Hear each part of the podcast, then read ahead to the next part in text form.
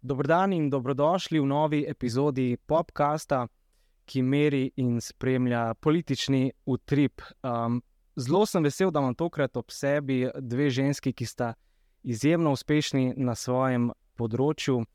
Odgovorna urednica Pop TV-ja, Tjaša Slokar, informativnega programa. informativnega programa in pa urednica in direktorica portala NN, Katja Šeruga. Dober dan, lepo zdrav, hvala za vabilo. Dobrodošli in hvala, ker ste prišli. Uh, ja, noč, kar zagrizemo. Ta teden bo minilo eno leto od imenovanja vlade, leto reform je letos. Um, ne zdi se, da ta vlada prav dobro napreduje, glede zastavljenih reform. Katja, kje bi mogli že zdaj biti, če bi si želeli uspešne reforme? Torej, še vedno čakamo nekatere rešitve. Pri nekaterih reformah je vlada uh, še vedno v okviru časovnice, ampak se ta uh, ne, nezadržno, seveda, približuje. Um, najpomembnejša reforma, ki jo čakamo, je seveda zdravstvena. Um, ravno te dni je pomembna novica, to, da se je tudi ministr za zdravje zdaj nehal pogajati uh, sindikatom zdravnikov, kar se tiče plač, ker se mora, ne, uh, je bila razlaga popolnoma posvetiti uh, pripravi zdravstvene reforme. Uh, prihaja pa tudi uh, vedno bolj na prvi tir uh, dolgotrajna oskrba, javna razprava se je končala. Uh, tukaj bo seveda ključno vprašanje financiranja uh, te reforme, ki jo najrazličnejše vlade um, že več kot 20 let, mislim, da obljubljajo. Uh, Um, osebno tukaj mislim, da je dolgotrajna oskrba praktično civilizacijski standard, za katerega ne sme biti več izgovorov, da se je ne izvede. Tukaj se pogovarjamo o tem, kako kot skupnost skrbimo za svoje starejše, kako kot skupnost skrbimo za ljudi, ki potrebujejo pomoč. Projekt je drag, to je dejstvo. Uh, kolikor vem, je en del, vse za prvo fazo uh, financiranja zagotovljeno iz proračuna, tam nekje do 300 milijonov evrov, seveda pa še kar nekaj milijonov evrov, nekaj 100 milijonov evrov manjka. Tako da tukaj verjetno bo prišlo tudi do tega trenutka, ko bo vlada morala slovencem povedati, da si bomo varnejšo starost, da tako rečem, morali v enem delu plačati tudi sami. Po informacijah, ki so trenutno na voljo, eh, so pa še neuradne, eh, očitno tako, da bomo dobili nov prispevek na plače, odstotek od bruto plače delodajalec, odstotek od bruto plače delavec. Se mora po enem letu predsednik vlade že vprašati, če lahko to najpomembnejšo zdravstveno reformo izpelje z istim ministrom? Uh, jaz mislim, da ja. Uh, sicer so več čas poslušamo neke špekulacije, informacije, da niste več v najboljših odnosih, čeprav, kolikor jaz vem, ste v dobrih odnosih. In uh, jaz mislim, da, jaz mislim, da bo, da bo zdravstveni minister, ki ima tudi kar visoko podporo, kot lahko vidimo po anketah, da bo, mislim, da zdržal do konca mandata. Uh, vprašanje je, če bo z njim zdržal tudi njegov. Uh, največji zaveznik že od začetka je Erik Brecel. Mislim, da se ta odnos, vsaj v javnosti, vedno bolj krha. Mislim, mislim pa, da sicer uh, čisto iz tega PR vidika um, vlada za to zdravstveno reformo potrebuje Erika Brecla, za to neko nagovarjanje javnosti. Uh, tako da jaz, uh, me pa skrbi, če bo ta reforma, um, če bo vlada to zdravstveno reformo res izpeljala uh, ker se ta časovnica vedno bolj odmika. Ves čas govorimo samo o časovnicah. Tudi ta odprava dopolnilnega zdravstvenega zavarovanja v bistvu ni reforma, ne, je nek ukrep, ki je zagotovo dvignil uh, oziroma pomagal zaustaviti trend padanja javno-mnenjske podpore.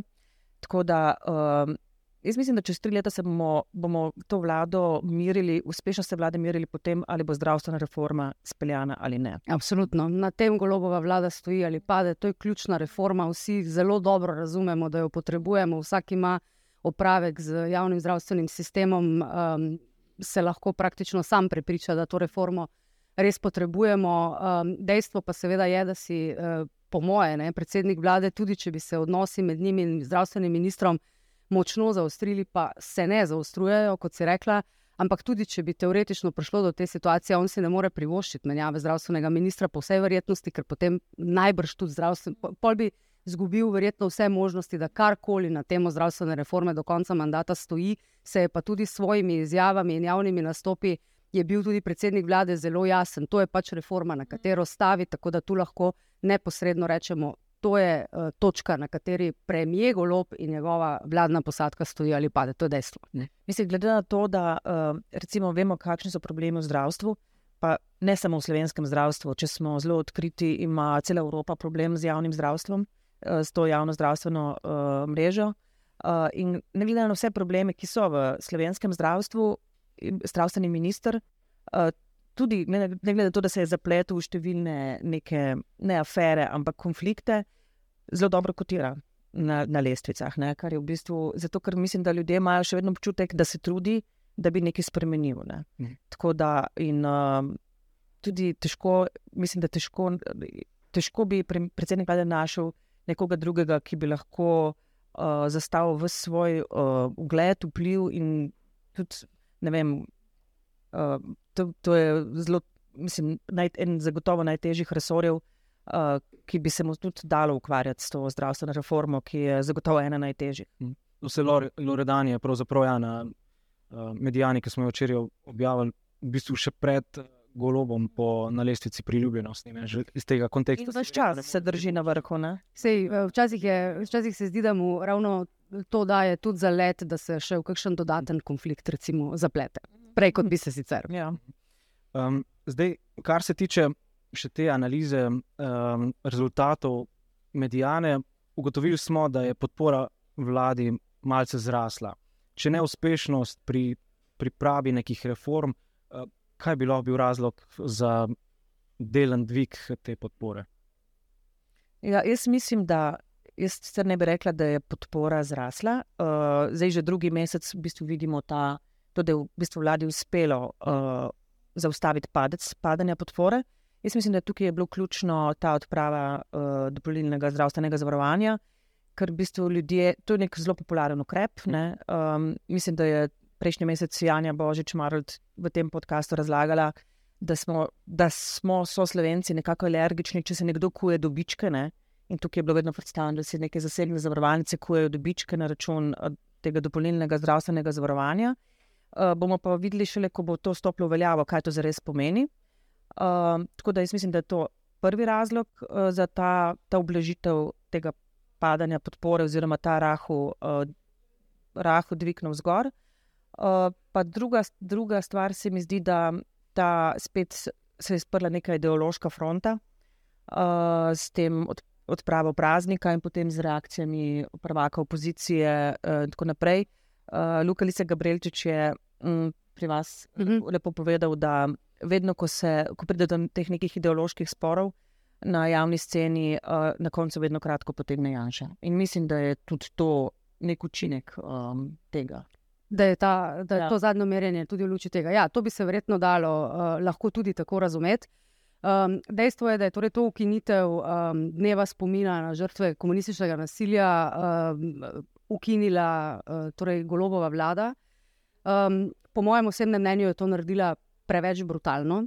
Na predvečer uh, tega dneva spomina, kot je bilo razumeti ministrico za pravosodje, tudi v studiu na NN, um, so to naredili tako na hitro in na predvečer praznika, zaradi tega, ker jim je to, kot se je ona izrazila, skočilo iz dokumentacije, Ker niso vedeli. ker niso vedeli. Ne? Kar eh, seveda veliko pove, če je bilo res tako, kot je ministrica pač pojasnila, da je bilo. Uh, vsekakor se je dalo pričakovati ob taki odločitvi uh, golobove vlade, da bodo reakcije na desni vroče. Ne? Seveda pa so šle bistveno predaleč. Ne? Torej, retorika o državljanski vojni, o oboroževanju je popolnoma neprimerna in pravzaprav tudi neodgovorna. Um, dejstvo pa je, da če sedanja vlada prejšnji učita, da je ta dan spomina na žrtve komunističnega nasilja, ki so obstajale, da ne bo pomote, ljudje so, mislim, bili žrtve komunističnega nasilja, tudi otroci. Um, da, da, da, da način, na kakršnega je prejšnja vlada to sprejela, in način, na katerega je ta to odpravila, pravzaprav ne vidim zelo bistvenih razlik. Ker očitek je bil, prejšnja vlada je to sprejela brez neke širše javne razprave, ampak ta je to ukinila brez neke širše javne razprave. Ne?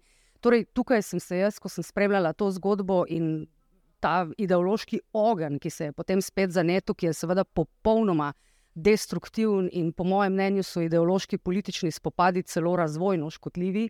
Mogoče bi še en ekonomist znal zračunati, koliko BDP-a letno nam recimo to uh, oduzame.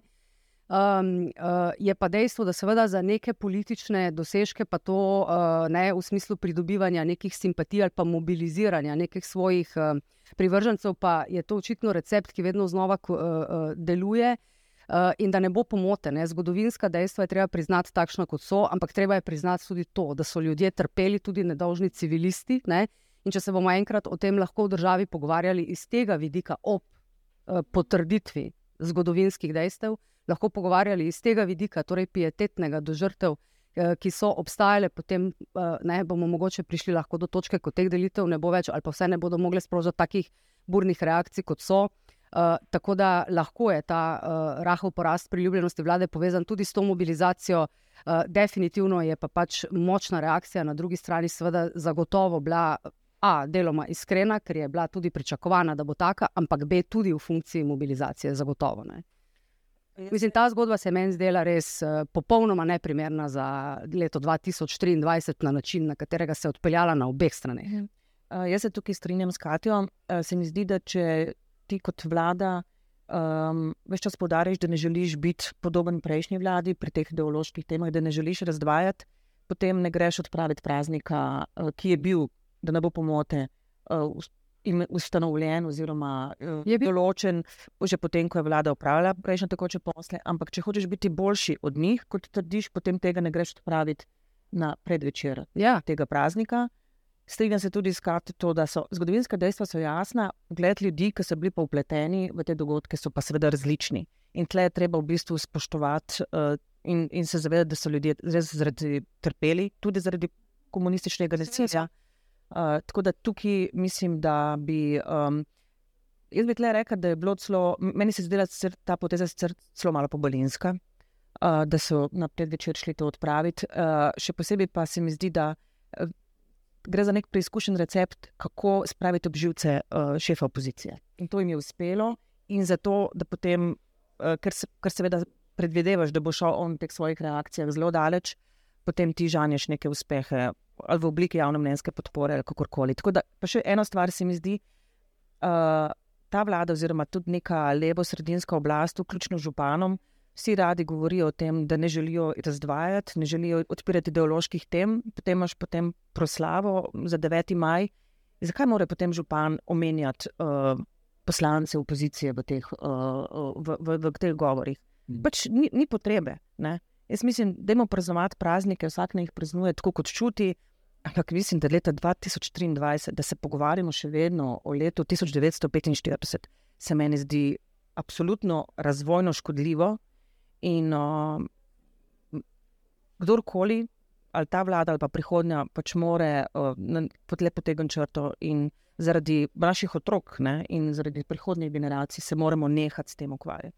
Mislim, tukaj se je res ta način. Tukaj se je pač res pokazala precejšnja Tukaj se je pokazalo to, če bi lahko rekli, pač ne trenutki, ko politika ravna popolnoma neodgovorno. Ne.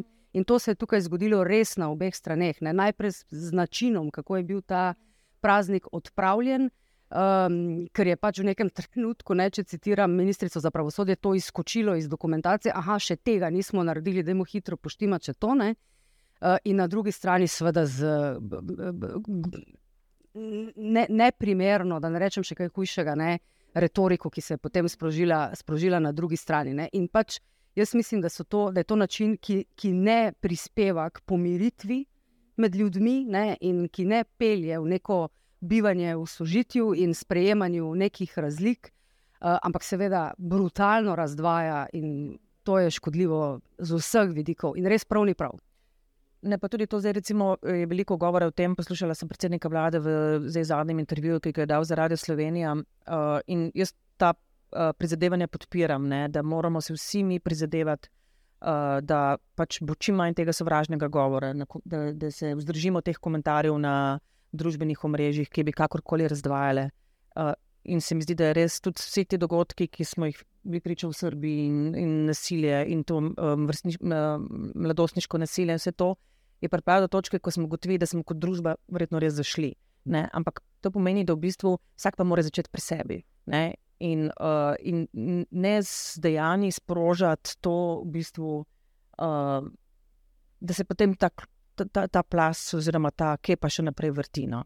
Tako da, um, ja, mislim, mislim, da ideološke teme so sicer super, verjetno za kakšno, za kakšen uh, populizem oziroma za kakšno javno mnenjsko podporo. Ampak dolgoročno pa ne prinaša. Ampak je neodgovorno, da se jih zlorablja za to. Ja, to ne prinaša, ne. pa nič. Mhm. To je problem. Zato me zanima, ali je škoda pravzaprav že narejena, ker ne vidim uh, konca te v bistvu uh, negativne spirale. Na koncu koncev pa vidimo, v bistvu da se ta debata odvija predvsem na politični ravni.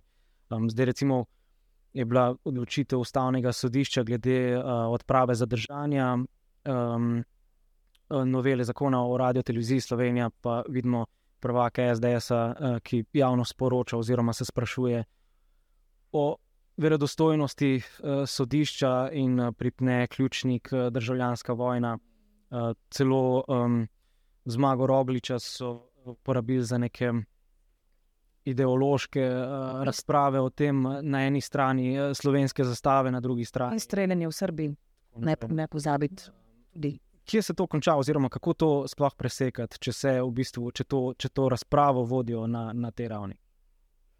Mislim, to je to, ta debata, ki smo jo prej deloma odprli. To je pač vprašanje odgovorne politike. Uh, kaj služi za za mobilizacijo lastnega volivnega telesa v trenutku, ko ga pač potrebuješ, in kaj je pač razvojno in sicer ne, tudi pomiritveno dobro za državo. Ne. In pač politika tukaj, eh, in ena in druga, da ne bo pomote, pa nočem biti eh, vse gliharska, res nočem biti vse gliharska, ampak eh, dejansko opažam ne, neke reflekse, ki niso pravi tudi na levi. Uh, ob nekih pač pojavih, ampak uh, pač dokler, ne, do, do, dokler bo to lahko v funkciji mobilizacije in pridobivanja nekih javnomnenjskih odstotkov, takrat, ko se nekdo odloči, da jih rabi, ne vem, bodi si zato, ker pač bi se raje pogovarjal o tem, ne o reformah, bodi si zato, ker mora nekoga spraviti v bljuvce, ker bo ne, iz kakršnega koli političnega motiva že. Ne, tako dolgo pač ne, se lahko pogovarjamo o tem, da pač mogoče ne. Um, reforme, ne, uh, ki so v resnici najbolj pomembno razvojno vprašanje, pomembno za našo generacijo in kar nekaj prihodnih, ne, pač padejo v drugi plan, vsakeč, ko je potrebno um, recimo mobilizirati. Ne. In to se pač, to ni najbolj odgovorno. No. Jaz, če bi um, na to, kar si vprašal, si na, glede na odzive na zadnjo odločitev ustavnega sodišča, da odpravi zadržanje. Um, meni se zdi, da, v bistvu, da je največji problem to, v bistvu, um, institucije so večne. Ne? Institucije, ki smo jih zgradili, potem ko smo se osamosvojili, so tiste, ki jih moramo v bistvu vsi negovati. Ne? Uh, in ljudje pridejo in grejo, vlade se zamenjajo, institucije pa morajo ostati. In, in to, da v bistvu politika na najvišji ravni uh, v bistvu tako diskreditira institucije, ki morajo biti svete, recimo kot je ustavno sodišče. Uh, vem, Pa ostale, uh, se mi zdi res velik problem. Ne? In kakorkoli se mor, moramo reči, odločitve sodišča je treba spoštovati, ali se ti všeč ali ne. In tukaj se mi zdi, da je tista preizkušnja, vedno se politika znajde na preizkušnji, eh, ko jih včasih pozdravlja, ko jim pa ne ustreza, jih pa napada. Ne. Tako da tukaj tle mislim, da se pokaže neka odgovornost oziroma neka zrela politika, da se vzdržiš komentarjev takrat, ko ti odločitve sodišč ne ustrezajo. In uh, zdaj v zadnjem primeru smo videli, da, pač, uh, da se pač jim ni uspelo zadržati. Mhm. Pa je to kurjenje tega ideološkega boja, če temu kulturnega boja, če temu tako rečemo, um, ima ta moment, ker pač lahko, ali je to, kot imajo nekateri to teorijo, da je v bistvu preusmerjanje pozornosti. Zdaj na eni strani od um, neuspešno, oziroma na pol izpeljanih reform, na drugi strani pa recimo vem, te zgodbe, ki ste jo. Uh, objavili na NN in pa na portalu Necenzurirano, uh, glede uh, pregledovanja bančnih računov uh, strani urada za preprečevanje uh, pranja denarja v času naše vlade. Mislim, tega ne vem, če je to bilo v funkciji preusmerjanja. Pač, jaz, kot sem že dvakrat povedala, pač razumem, da je vladi izkočilo to iz dokumentacije. Bolj se pač odloči, da da bodo še pač to naredili. Ne vem pa, kdaj jim je to izkočilo iz dokumentacije. In tudi dvomim, da bi vlada, kar se tiče prečesavanja bančnih računov, uh, želela preusmerjati pozornost. Uh, to uh, trdim zaradi reakcij uh, tako predsednika vlade, kot tudi drugih predstavnikov koalicije, ki so po tem razkritju prišle, eh, kvečemu bi komu drugemu, ne? torej v tem primeru desnici oziroma SDS-u, uh, moralo biti v interesu, da, da se o tem ne govori. Torej, ta zgodba z prečesavanjem bančnih računov je seveda um, res velika zgodba. Uh, ni nujno, da je to bila edina preiskava na Uradu za preprečevanje pranja denarja, ki je potekala. Um, imam neke neuradne informacije, da ne, ki pač še niso potrjene. Dejstvo pa, da inštitucija na podlagi anonimke, ki je spisana, res, jaz sem šla prav preštet, 11 kratkih odstavkov je ena tipka na stran in četrt da, da, da na podlagi tega pregledaš um, 195 TRR-jev, 107 ljudi in podjetij v Sloveniji um, um, na način, da to narediš takoj, ker anonimko vzameš kot verodostojen vir informacij. Um, Anonimče mi ne jemljemo resno. Ravno to sem hotela povedati, da tudi novinari, tako, da tudi novinari vemo, kako rokujemo z anonimkami, kadar jih dobimo. Ne? Ker po tej logiki, kot je delal Žugljev urad, bi to recimo v novinarskem poslu pomenilo, da objaviš vsako anonimko, kot jo dobiš, brez kakršnega koli filtra, preverjanja, pozornosti, da ji nič ne namenjaš, da jo kar, kar objaviš in to je potem tako. Ne? Seveda se tako ne more delati. Ne? Tako da v bistvu vsi ti. In A, dokazi, ki smo jih mi zbrali, in posredni dokazi, ki smo jih zbrali, in kontekst. Ne? Seveda, zelo močno nakazujejo v smeri, da je pač v času tretje Janševe vlade preko Urada za preprečevanje pranja denarja prišlo do zlorabe državne institucije, zelo verjetno v politične namene. To slednje bo še toliko bolj um, um, um, prepričljivo, če se bo res potrdilo, da je to bila samo ena od večjih preiskav, ki so na podlagi anonimk potekali na UPPD v času Damena Žuglja. Um, tako da ta zgodba se je verjetno šele odprla in se lahko še kaj izkaže. Uh, kakšna bo pa na koncu potem spet odgovornost, ne, je, pa, je pa drugo vprašanje. Kaj se bo dalo dokazati v preiskavah, kaj se bo dalo dokazati v postopkih, če bodo. Ne, o tem je ne mogoče, seveda, govoriti, uh, bodo kakršni bodo. Uh, dejstvo pa pač je, da, um, da, da to, kar zaenkrat o tem vemo, in to, kar je zaenkrat dokumentirano iz tega primera, seveda um, nakazuje v smeri zlorabe državne institucije v politične namene v času tretje vlade Jana Zanša. Vsekakor. Žugel je bil imenovan v času Janševe vlade. Ne samo to, bil je imenovan samo nekaj mesecev, preden je to preiskavo sprožil. On je bil imenovan, njega je vlada imenovala marca.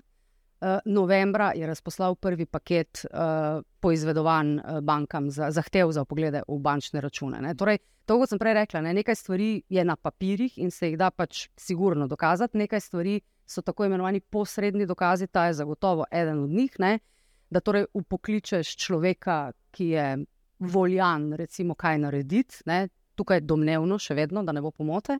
Ne, in potem se recimo to izvede. In če se izkaže, da je, da, je, da je bilo takih preiskav še več, in če se potrdi, da so bili, ne, pač v tem primeru je bil uh, tarča, glavna tarča, pač uh, solastnik skupine United Dragon Šolak, ne v kakšnem drugem, morda kdo drug, v kakšnem tretjem, morda kdo tretji. Ne. Uh, tako da to, to je sigurno uh, zgodba, ki jo, ki, jo, ki jo je treba resno preiskati. No, vsekakor. Uh, jaz, ko sem za to zgodbo izvedela, uh, jaz temu ne, ne pravim afera, ampak to ni afera. To je zelo resen sum, da so bila storjena. Da so bile kazniva dejanja. dejanja in da je prišlo do zlorabe eh, neodvisne institucije. In še posebej, če se bo ugotovilo, da so bili ti podatki potem odtujeni uh, o, o bančnih računih posameznikov in so nekje z njimi pač zdaj upravljali nekdo v neki politični stranki, ne vem. Uh, uh, potem je to še, to, potem je to res. Uh, Mislim, upam, da bo policija čim prej upravila svoje delo in ugotovila, kaj je bilo. Edina hujša zloraba v tej se mi zdi, pa še to, da bi upogledovali v zdravstvene kartone posameznikov in te podatke potem uporabljali za izsiljevanje v času predvoljene kampanje. Ne. Mislim, da to so, to so afere, zaradi katerih vlade padajo. Ne. V tem smislu, seveda, lahko rečemo, lahko rečemo afera. Dobro, Janša vlada je izgubila volitve, ne, ampak. Uh, to so res velike zgodbe in tukaj pač temeljita preiskava, tako policijsko-tožilska, kot tudi eh, torej ugotavljanje uh, morebitne odgovornosti nosilcev. Uh, javnih uh, funkcij, seveda, uh, je na mestu, uh, torej od tega razkritja, zdaj že skoraj mesec dni, zanikanja ni bilo, ne? od nikoder. Um, tako da um, upam, da pač za to pristojni eh, pridejo vsem odgovorom do dna. Torej, jaz osebno seveda mislim, da se nekaterih stvari nikoli ne bo dalo dokazati, ker če so se zgodile, so se zgodile kje na štiri oči. Uh, mi smo tudi uh, pred nekaj dnevi v našem studiu na enega ministra Hojsa, recimo, ki je bil takrat notranji minister, vprašali, če on kaj vedel o tem. Mm. On bo priča pred uh, parlamentarno preiskovalno komisijo. On je rekel, da o tem ni vedel nič, ne? da pa se strinja, da je to uh, tako resen očitek, ki ga je treba temeljito preiskati. In torej dodal, da upa, da bo preiskava korektna. Tudi jaz upam, predvsem, da bo temeljita uh, in da bo prišla vsem odgovorom, vsem vprašanjem, ki se tukaj še odpirajo, pač do dna pregledali so tudi tvoj uh, bančni račun. Mogoče veš, kdo vse je imel dostop uh, do teh podatkov, kdo ve uh, vse o tebi. Ja, tisti, ki so ga pregledovali. Katja pravi, da jih je dolgo časa. Mislim, jaz imam pregled enega računa. Predvsej dolgočasno življenje. Ne? Tako da, kaj zanimivega se na mojem bančnem računu um, ni dalo odkriti, ampak vendarle ne? občutek, da nekdo brska po tvojem bančnem računu, uh, iz katerega se praktično vidi vse o tebi, ne, um, uh, je zelo neprijeten. Um, občutek, da nekdo ve, uh, ne vem, kakšni so moji prihodki, kakšni so moji stroški. Um, Na čem, kje dopustujem, kaj plačujem, torej, kako porabljam denar, ki si ga zaslužim, je seveda silno neprijeten. Zdaj, torej, moj bančni račun in račun podjetja, kjer sem direktor, so pogledali, uh, očitno pač ugotovili, da ni uh, nič spornega, ne, so me dali na stran, ker o, sicer bi, me, uh, bi bila tudi v vadbi, pa nisem bila. Uh, ampak uh, ta občutek je silno neprijeten in lahko si samo predstavljam, če, če slučajno držijo neki namigi, da ti podatki so še kam šli.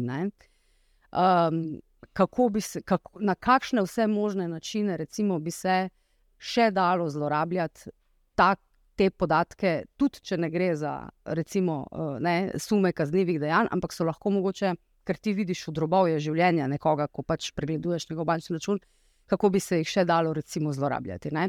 To je precej srhljivo. Um, in pač, um, tako kot sem povedala, upam, da se zadevi pride do dna.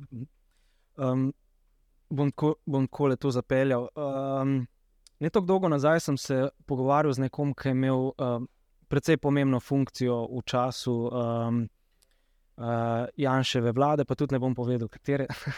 um, da je v bistvu, da ima Janša tako delovanje, da pravzaprav, um, ko gre v nekih takih um, res pomembnih odločitvah, da nikoli on ne naroča zadeve, ampak nekomu reče, in da če si na funkciji, ti je potem jasno, kaj se od tebe pričakuje. Uh, zanima me, kakšna je vertikala odgovornosti v tem uh, primeru, um, ker verjetno neposredno um, se ne da pripeti um, odgovornosti vladi, bo verjetno žugel, predvsem tu izpostavljen.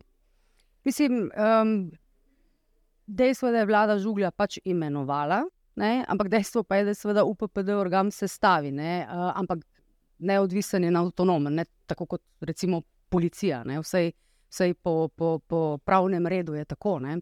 Uh, torej, kdo bo tukaj na koncu nosil največjo odgovornost v tem trenutku, res ne upam, uh, res ne upam uh, ugibati, ker, kot že omenjeno, se mi zdi, da je še več v tej zgodbi, kot vemo do tega trenutka.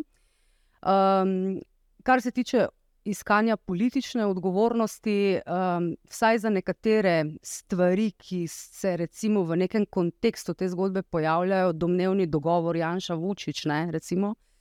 Torej, dejstvo je, da je Dragan Šolak res državni sovražnik številka ena v Srbiji in to že leta. O tem ni nobenega dvoma. Mi, eh, ki smo del skupine United, to res zelo, zelo dobro vemo, tudi živimo to vsak dan in čutimo. Um, tako da jaz niti malo ne dvomim o tem, da bi eh, iz poznavanja tega konteksta. Uh, da bi recimo srpskega predsednika zanimalo, ne, uh, kaj Dragan Šolak in njegovi ljudje, da tako rečem, počnejo v Sloveniji. Ne. In torej, spet posredno dejstvo je, da je ta inštitucija lahko odprla vrata do teh podatkov. Ne? Zdaj, ali jih je zaradi tega ali ne, se tem trenutku težko pogovarjamo, ker nimamo dokaza za to. In dejstvo je, ne, dejstvo številka tri, da je pač UPPD te podatke zbral. Ne? Torej, to je nek kontekst, recimo, v katerem se tukaj uh, pogovarjamo. Ne? Če me pa danes vprašate, ali bomo kdaj lahko dokazali neposredno politično odgovornost, pa mislim, da ne. Uh, še to, uh, če izhajamo iz tega, da se nič uh, ne zgodi brez uh, prvaka SDS-a. Um, Logar, že Logar, poslanec, uh, ta teden v sredo ustanavlja svojo platformo. Um, kaj vi dve menita? Je to projekt uh, SDS-a za krepitev stranke in mogoče um, preboj na naslednjih volitvah, čez, ta, čez to njihovo mejo? Um. Uh, ja. Jaz, ki sem v bistvu videla ta nabor imen, ki se bo uh, že tu Logarju pridružil v tem klubu, ali kako ga zdaj imenuje, uh, sem pač rekla, usual suspects. Ne? Nič, nič novega, nič nenavadnega. Nekateri ljudje se pojavljajo, so se že v preteklosti pojavili v različnih društvih, recimo Žiga Turk je bil v Resetu.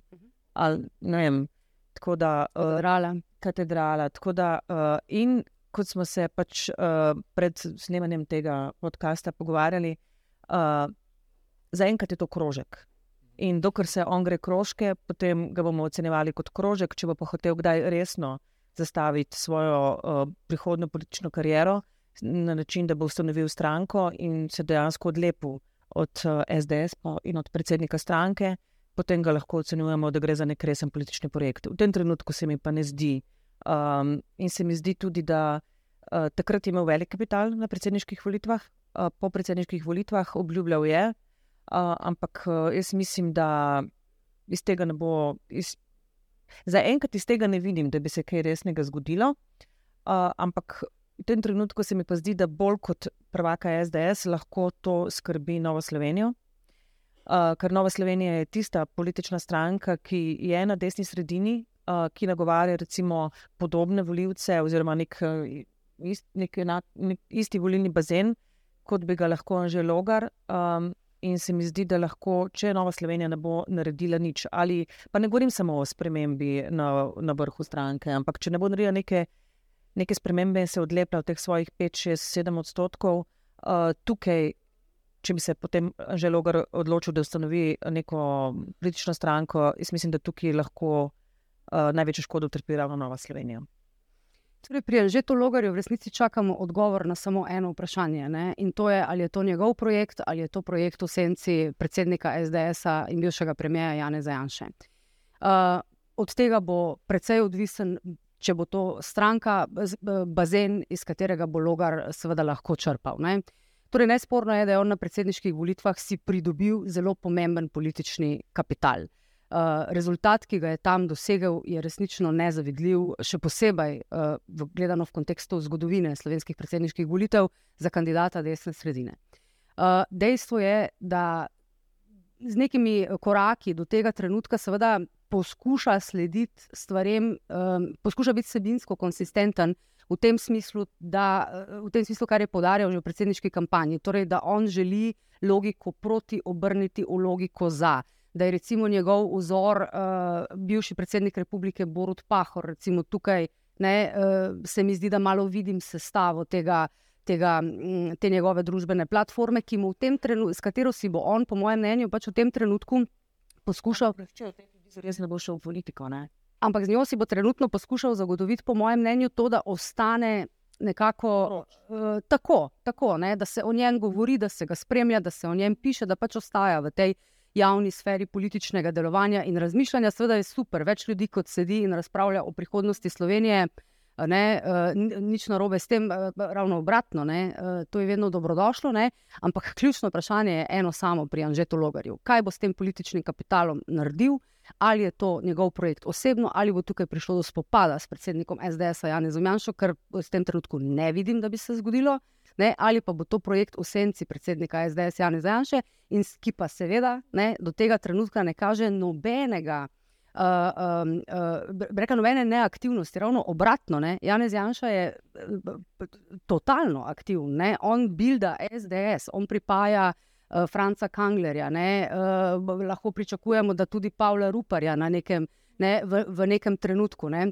Uh, pojavlja se v javnosti, komentira, ne? oglaša se. Torej, on je uh, aktivno vodi stranko SDS, nič ne kaže na to, da se bo on torej, uh, na neki točki umaknil in ta odr prepustil Anžetu Logarju. Ne? ne, nič ne kaže na to. No, še posebej zato, ker je uh, v Novi Sloveniji sicer že nekajkrat, ampak tokrat spet so zelo uh, javno se zavezali, da ne bodo šli več v vlado Jana Zajanše, kar pomeni, da vidimo, da je ta trend, da je vedno manj strank. Ne?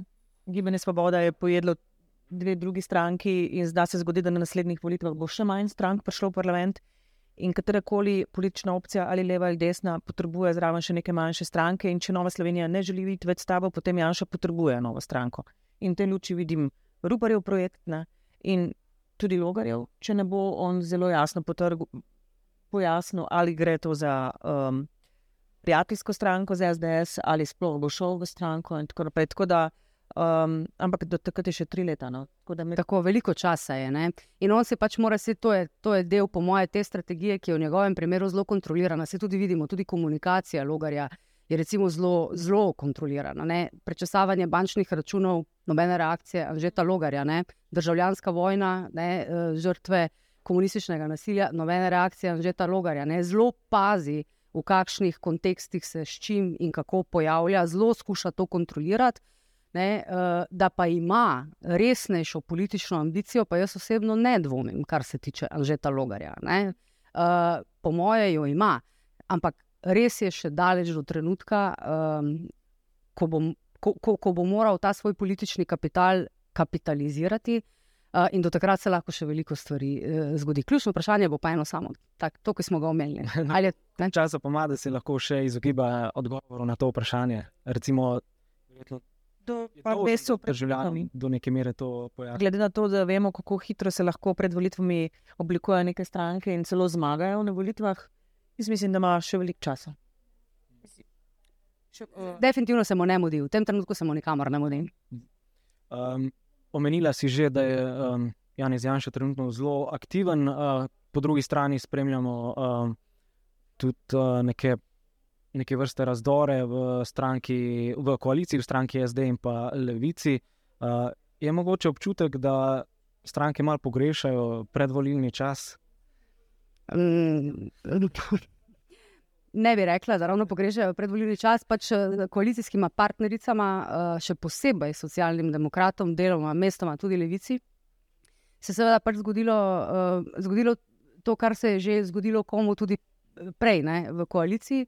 Torej, ko imaš tako veliko stranko, ki vlada in vlada uh, s toliko moči uh, in jo tudi udejanja, recimo pri kadrovanjih, uh, potem uh, si seveda v senci ne? in si vsakič znova. Um, Pred odločitvijo ali boš zaostroval razmere v koaliciji, ker če jih boš, imaš tam Janeza Janša, ki, ki, ki mu ne želiš omogočiti še enkrat ne, prihoda na oblast, če si stranka leve sredine, ta logika je, smo jo že večkrat videli. Ne.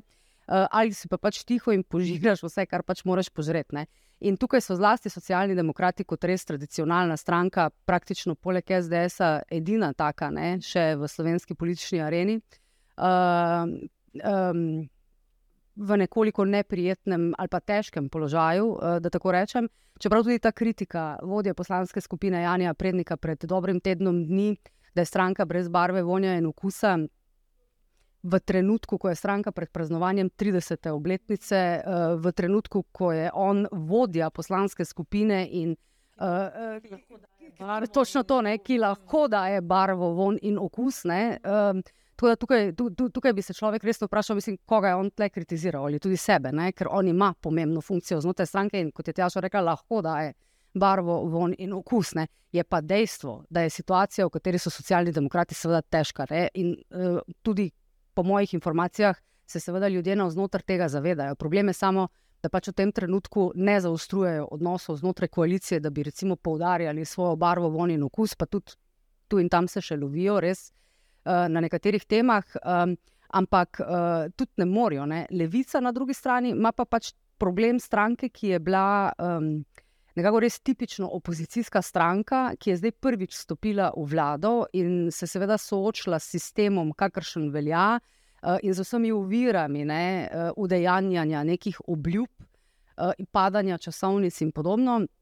Uh, uh, um, in se pač prvič, prvič sooča s tem, ampak levica je tukaj tudi v nehvaležni situaciji, ker če bi recimo oni izstopili iz koalicije, pa so že kakšen vsebinski razlog, recimo imeli, naprimer dvig ne, proračunskih sredstev za obrambo, naprimer, ne, to je kar rdeča cunja za levico, pa so požrli. Ne.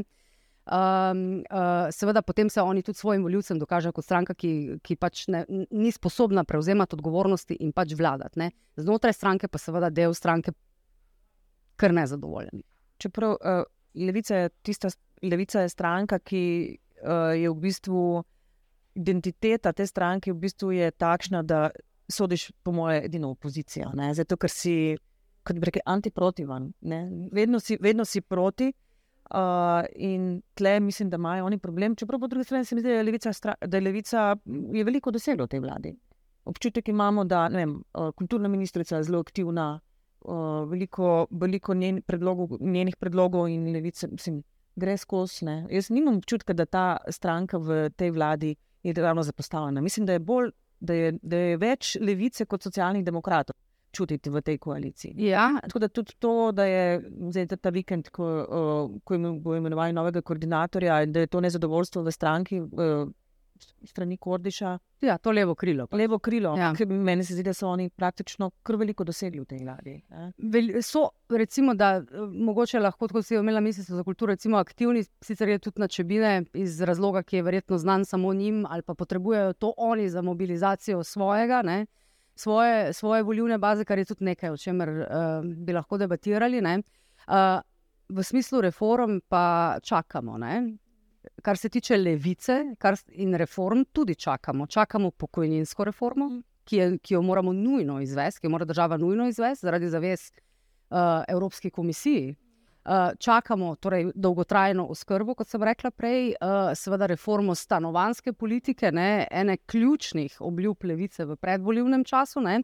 Uh, in tukaj uh, sem prepričana, da se znotraj uh, ministrstev sistema ne, soočajo z realnostmi, tudi oni, da ne gre vse hitro in da ne gre vse tako, kot bi oni hoteli, kaj šele kot so oni obljubili. Ne.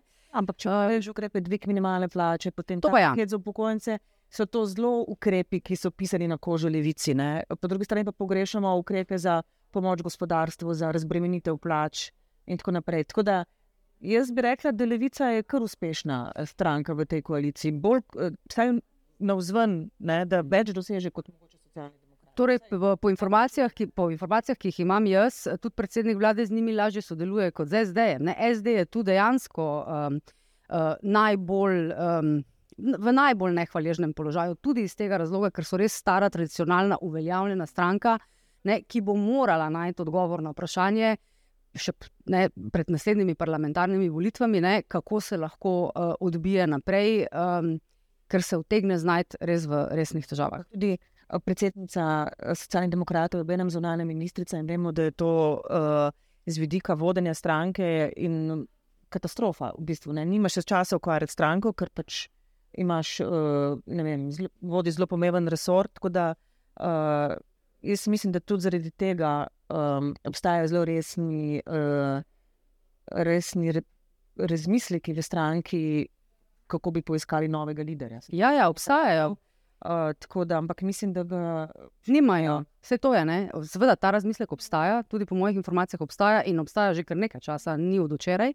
Uh, problem je samo, ko vprašaš, okay, ne? če ne Tanja Fajon, kdo potem, tukaj zmanjka. Torej, eh, v tem trenutku nimajo boljšega kandidata. Sodeč po reakcijah na intervju Janja Prednika, tudi on to ni, ne? vsaj ne za zdaj. Uh, tako da, ja, mislim, socialni demokrati imajo zagotovo veliko vprašanj, na katere bodo morali najti odgovor. Ne? Se samo še to me zanima, ravno Tani Fajon ne, se pravzaprav očita, da se bolj uh, osredotoča na samo ministrstvo kot na, na uh, stranko, pa se v bistvu lahko isto rečemo tudi za Luko Mesta. V bistvu je dejaven kot uh, minister, zdaj kot koordinator uh, levice, pa v bistvu um, ni precej uh, izrazit v svojih stališčih. Je mogoče on izgubil uh, von okus in barvo. Luka Mesec je zagotovo nekoliko izgubil barvo von in okus, odkar je minister in odkar je levica vladi. Ja. Uh, mogoče postaje bolj zmeren levičar. Mislim, za razliko od primerjavi s tem, je, kako je nastopal prej, zagotovo. Jaz, jaz bi, jaz bi rekla, da, recimo, da zelo dobro se mi zdi um, komunicira in se pojavlja v javnosti kulturna ministrica.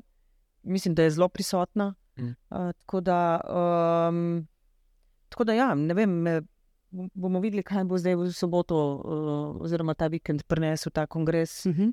uh, levice, um, kaj se bo zgodilo. Tako Da, um, jaz mislim, da na koncu bo vseeno, uh, čeprav mislim, da imajo celo nek, v stat- v statutu neko omejitev, da več kot dva, dva mandata si težko koordinator.